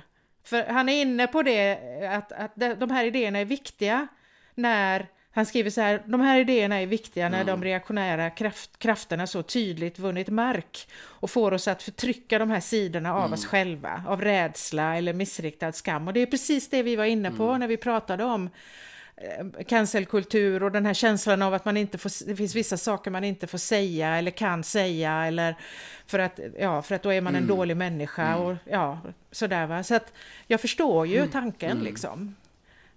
Ja, och man kan också, jag får också den där tanken att så som det är med konst och, och litteratur och sådär att om, om världen är ganska lugn och, och, och, det känns ganska tryggt, det rullar på liksom. Då, då, då kan man ju få behov av mörkret. Eh, det svarta. Det är där jag tänker att dystopierna har ofta sin roll. Liksom. För att jag vet inte heller, jag har också funderat, det ska vi prata om sen, liksom, det här med dystopin i, i sig. Liksom, har vi ju tänkt. Men, men just det här var, varför läser man dystopier? Liksom? Varför, varför vill man liksom eh, ja. göra sig själv eh, ledsen? Jo. Eh, men det har ju sin funktion, absolut. Det har det. Men nu lever vi i tider av oro på så många plan.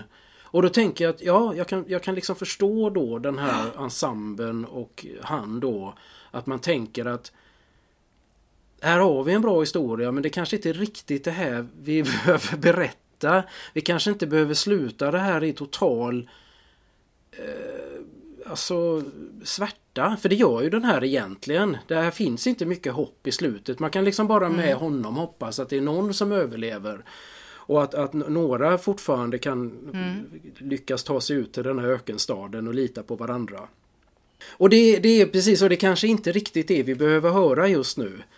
Utan vi, det är som sägs precis så som han skriver där att det kanske är snarare att vi behöver hopp. Liksom. Ja. Vi behöver hopp om att vi kan tro på varandra och lita på varandra. Precis. Och allt det här då liksom. Ja men det var, det var, var kul för jag vet att du sa ju det här då. Det var, vi pratade ju någon gång där när du hade sett den men innan du hade fått kontakt med honom. Så det var ju intressant att få höra då hur de hade resonerat där. Och jag tänker liksom att de här, ja men för mig så blir det ju lite då att de här två, och så är det ju ofta va, att den här föreställningen och boken de liksom kompletterar ju varandra. Mm. Så som det ofta blir ju med, när, när man, ja men med bra grejer va. Ja när det blir bra så, så, så blir det ju ofta så faktiskt. Det blir två olika verk liksom. För, för när Emma och jag pratade om slutet så sa ju hon liksom att, att ja men ibland är det bra med, med, när, med slut som, när, det, när det inte slutar lyckligt. För det blir liksom spännande. Och, och, och mm. att hon säger att, att ja men poängen är väl att man ska känna att så här illa kan det gå. Man är liksom lite van vid att det, mm. att det ordnar sig Exakt. på slutet. Alltså du vet, det beror ju på vad man tittar på. Om man är en dystopiläsare så är man ju inte van vid det, men ja, en normal människa. Nej, då, då är man ju som vi vana vid det här mörkret. men mycket annat skrivs ju naturligtvis med, med en upplösning. Ja, att det på något vis liksom ordnar sig. På något sätt va? På, på något sätt i alla fall, även om inte allt ordnar sig så någonting, någonting blir bra. Men här är ju faktiskt ingenting som blir bra. Det är ju till och med så att den här boken slutar ju med att någon i högre Ska vi se, nu ska vi kolla vem det är. Det slutar ju med en efterskrift här skrivet av en censor. Ja. Som heter Hung Pai Po. Och det sista som vi får veta här det är att de tar ifrån Leo Kall hans papper och penna. Ja. För nu, nu får det vara slut på det. Men nu, nu, och han skriver ju att han, han, vi sparar det här. som ett exempel på urartade, liksom urartade tankar och sådär. Att, att eh, vi, vi, vi bränner inte det här utan vi tar det som ett exempel. Vi arkiverar detta. Ja som ett exempel på som vi kan lyfta ibland då att hur illa det kan bli när en människa får tänka fritt. Och sen då så skriver han det att nu, från och med nu då så har vi eh, liksom tagit ifrån honom papper och penna. Så nu har han inga mer möjligheter att uttrycka sig på det här viset.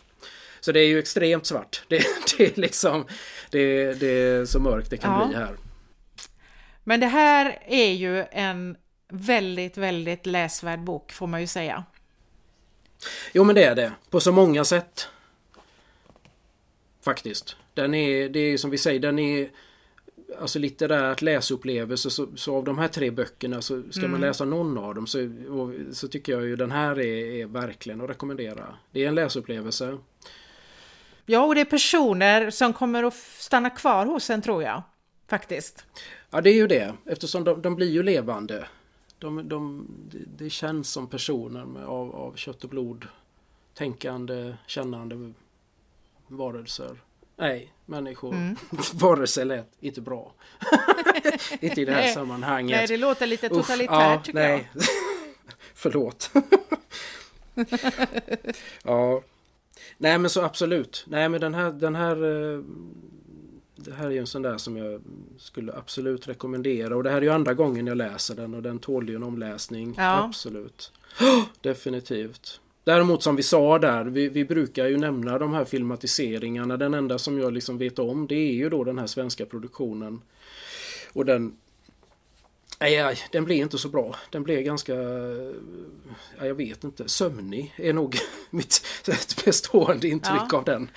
Ja, nej, jag fick faktiskt, jag fick faktiskt eh, lite anstränga mig för att titta vidare för att jag var, jag var fullständigt ointresserad kände jag mig. Jag somnade flera gånger faktiskt och tvingade mig att se färdigt. för jag tänkte, ja, jag får, väl, jag får väl göra det här. Jag såg det som ett jobb. Någon, ska, någon måste göra det här. Men det är ju inga vidare betyg. Nej, det är verkligen inte det. Det, det är inte riktigt Nej. vad man vill höra. Så att det, tyvärr alltså. Det är som jag sa, Roy Fribergs scenografi är bra. Eh, svensk mm. konstnär där som, den är fin. Men eh, märkligt, märkligt sövande med tanke på vilka skådisar det är. För det är väldigt mycket bra skådisar och så. Det, mm. ja. eh, jag tänkte på, jag skulle bara nämna det ju, den här elefanten i rummet. Jag sitter ju i Alingsås. Karin Boye dog ju här. Det måste ju nämnas faktiskt. Mm. Eh, då, lite kort här. Hur gick det till då? Ja, det var ju så. Jag, alltså det, det, och det har varit lite intressant också. För som vanligt när vi läser böckerna så blir det automatiskt att man börjar läsa kring. Och jag, mm. som väldigt många med mig, har läst Karin Boye kanske tre dikter eller någonting. De kändaste. Mm. Så att jag, hon har bara hon har ju varit en, en, en, person man har känt till och man har känt till hennes dikter och sådär och jag visste den här boken då. Men så har man ju hört det här då att hon tog livet av sig i Alingsås. Men nu mm. har det ju forskats en hel del och, och, det har kommit fram mycket nu på senare tid faktiskt.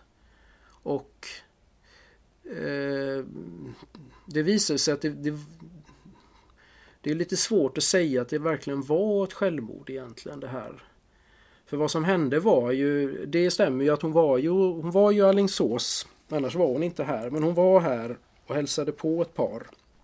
Jag kommer inte ihåg mm. vad de hette nu igen. Men, och hon, Karin Boye var ju, eh, lesbisk. Eh, och, ganska öppen med det. Så att hon, och hon var väl, förstår jag, ganska djupt förälskad i kvinnan då. I den här... I paret? paret. Vilket var, vilket, ja precis, vilket då var obesvarat. Men de var väl vänner mm. men uh, inget mer så. Så hon var väl ganska olycklig här förstår jag då. Och det var väl mannen, om jag inte minns helt fel, som kom hem och insåg att Karin inte är där och att det saknas då sömnmedel. Ser han. Mm. Och då har ju Karin en historia också som hon är en person som blir, alltså hon, hon, hon drabbas liksom av känsloutbrott. Hon gråter ofta. Hon, hon, det är inte första gången som hon eh, som hon gör alltså självmordsförsök i alla fall då. Nej. Det här är liksom hennes historia på något sätt har jag förstått. Hennes mamma hörde jag en intervju om som, som eh, sa att ja, hon grät jämt liksom och sådär och det, det var ja ibland var det bara att någon, någon liksom behövde ta henne därifrån för att hon inte skulle eh, då ta livet av sig. Så det, det var liksom mm. Så det var ju lite spännande att höra det här då eller läsa om det här att, att, att tydligen var det så att hon somnade då vid den här stenen som på mm. den tiden på 40-talet låg en bit utanför stan. Mm. Idag är den ju liksom kringbyggt av, av bostadsområden och så men, men eh, och man gick ut med skallgångskedjor och grejer och militären kallades in och det var väldigt mycket folk här i Alingsås då och letade efter henne. Mm. Men man hittade henne inte och till slut så var det en bonde som hittade henne där vid just den där stenen. Och vad jag har förstått så är det snarare så att hon frös ihjäl. För att det här var i april men hon hade den otroliga oturen då att det, att det blev en frostnatt. Vilket ju mm. inte alls är, är, Jag menar det kunde ju varit en varm vårnatt faktiskt. Mm, mm. Så att det känns ju som att ja, det är lite sådär både och på något sätt liksom. Det, när man hör om det så här så känner man det här kanske inte riktigt var ett seriöst självmord. Inte ens ett seriöst självmordsförsök. Nej. Men sömnmedlet gjorde ju att hon somnade så hårt att hon då frös ihjäl istället. Mm, mm. Ja. Och just det här med självmordet har ju också varit, det är ju, det är ju, vet man några få grejer om Karin Boye, liksom sådär allmänt, så är det väl just av, en av de sakerna man vet. Jo. Mm. Men däremot inte riktigt det här, ja, man, vad ska man säga då, lite neurotiska läggningen som hon då verkar, eller kanske lite depressiv läggning sådär. Mm. För att hon, och det pratar ju vi om då, hon, hon var ju samtidigt en, en, en väldigt stark person. Mm, hon var det, hon var tuff. Som genomförde eh, saker mm. som, som inte var alldeles självklara för en ung kvinna. Nej, verkligen inte. Så att en dubbel person. Ja visst, som när hon studerade i Uppsala så, så, så krävde hon mer eller mindre att hon det årliga talet till kvinnan, då skulle hon få ställa sig och köra det årliga talet till mannen. Ja, det är ju jättebra. Nej, så hon verkar ha varit en väldigt dubbel person. Eh, liksom politiskt intresserad, hon var ju inblandad i det här Clarté, vänstervågen, eh, då socialismen. Mm. Och, och, som sagt ganska tuff liksom och, och även liksom i, i, fråga om att, att, att kvinnans rättigheter. Att, äh, i, även i den frågan var hon ju framåt då. Mm. Och samtidigt då så verkar hon ha varit en oerhört, alltså väldigt, väldigt känslig människa då. Som rasar ner på något sätt i, i, i hål mm. av, av förtvivlan. Mm. Mm. Jag tänker ju överlag att det in, inte är så ovanligt med alltså den här typen utav personer. Vi har ju pratat mycket om nu hur hon, mm. hur hon har en förmåga att, eh, att liksom gå in i de här karaktärerna, att ge dem verkligen kött och blod, att verkligen tänka igenom. Hon hade ju då sett, ja faktiskt på ganska nära håll förstår jag, Tyskland. Hon hade varit i Berlin under mm. 30-talet där och sen hade hon ju också varit väldigt intresserad av mm. ja, men Sovjet och, och, och liksom Stalin-tiden och jag menar allt det här och hade också lärt. Så jag tänker, alltså den här förmågan, dels den här förmågan att gå in i personer, mm. i karaktärer och sen då det här Alltså att få ihop det här då, mm. alltså det hon såg i Tyskland och det hon har, det, det hon har sett och fått veta om, om Sovjet mm. och sen skapa ihop mm. det liksom till, en, till någonting som visar sig sedan faktiskt bli östtyska. Mm. Alltså det, för det är ju det, hennes, eh, ehm, den här killen, jag tror Svededal tror jag han heter, som har skrivit hennes biografi, han skriver ju just det, att hennes värld är en blandning av Tyskland och Sovjet. Det, det, var det, det var det hon skapade liksom, det blev en mix av detta. Och jag tänker en människa som klarar det, som kan göra sådana saker, måste ha ett mm. djup. Och med djupet så kommer också, tror jag, den här svärtan och förtvivlan och svartsynen. Jag tycker jag har sett mm. det hos så många som har den här den här, ja men den här förmågan att gå, att gräva djupt i sig själva. Liksom. Det har sitt pris. Jo, det är väl så. Ja.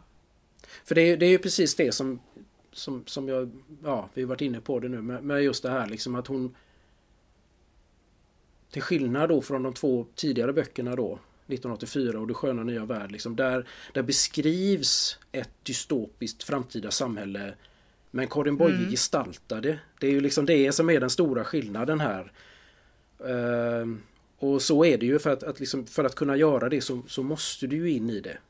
Du måste ju känna, jag menar du, du kan inte skriva de där fantastiska monologerna som Lindas monolog till exempel utan att liksom verkligen gå in i och känna in hur skulle det kännas? Hur skulle det vara verkligen här? Hur, må, hur mår jag när jag säger det här? Då jag tänker att hon har, hon har med så många sådana delar i denna liksom då som det här med hissen, övervakningen, Lindas monolog. Alltså alla de här där det är så tydligt hur hon, hon måste ha verkligen ha satt sig in i detta. Mm. För att sen kunna få ur sig det här. Mm. Som om hon var där. Mm. Ja, nej det, ble, det blev ju hennes sista roman det här. Eh, det, var, det blev ju och det, det är klart att jag, jag vet inte men jag tänker att det, det, det blir ju sådär. Det kanske inte alls har med varandra att göra att hon skriver en sån här roman och sen dör med tanke på att det kanske snarare är en olyckshändelse liksom att det kanske inte alls var det som gjorde att hon var så olycklig när hon gick omkring här i Allingsås. Alltså det vet man ju inte. Det, det har ju blivit lite ihopkopplat men det kan också ha varit så. För då hade hon ju, det är ändå 40-tal liksom så att jag menar det, det, det skakade i världen. Mm. Så jag tänker att hon med många, det, det finns ju fler här faktiskt som har uh, rasat in i, i djup depression i, i, under den här tiden. Jag tänker bland annat på hans Stefan Zweig som faktiskt både han och hans fru mm.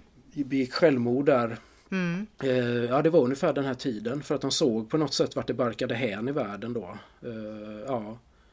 Men eh, det är ju intressant att tänka, mm. tycker jag, på detta med, med eh, alltså, vad ska man säga, kopplingen mellan mellan människors mående och världens utveckling, eller vad man ska säga. För att ofta, ofta tänker man ju då på ja, men på självmord till exempel, då tänker man ju på att, ja men, ja men tänk så, Krügerkraschen till exempel, va? då tänker man att ja men, ja men han tog ju livet av sig därför att han hade ju, han, han, han förlorade ju allt. Mm. Och det, det, var, det, det, det drabbade honom personligen liksom, som en individ.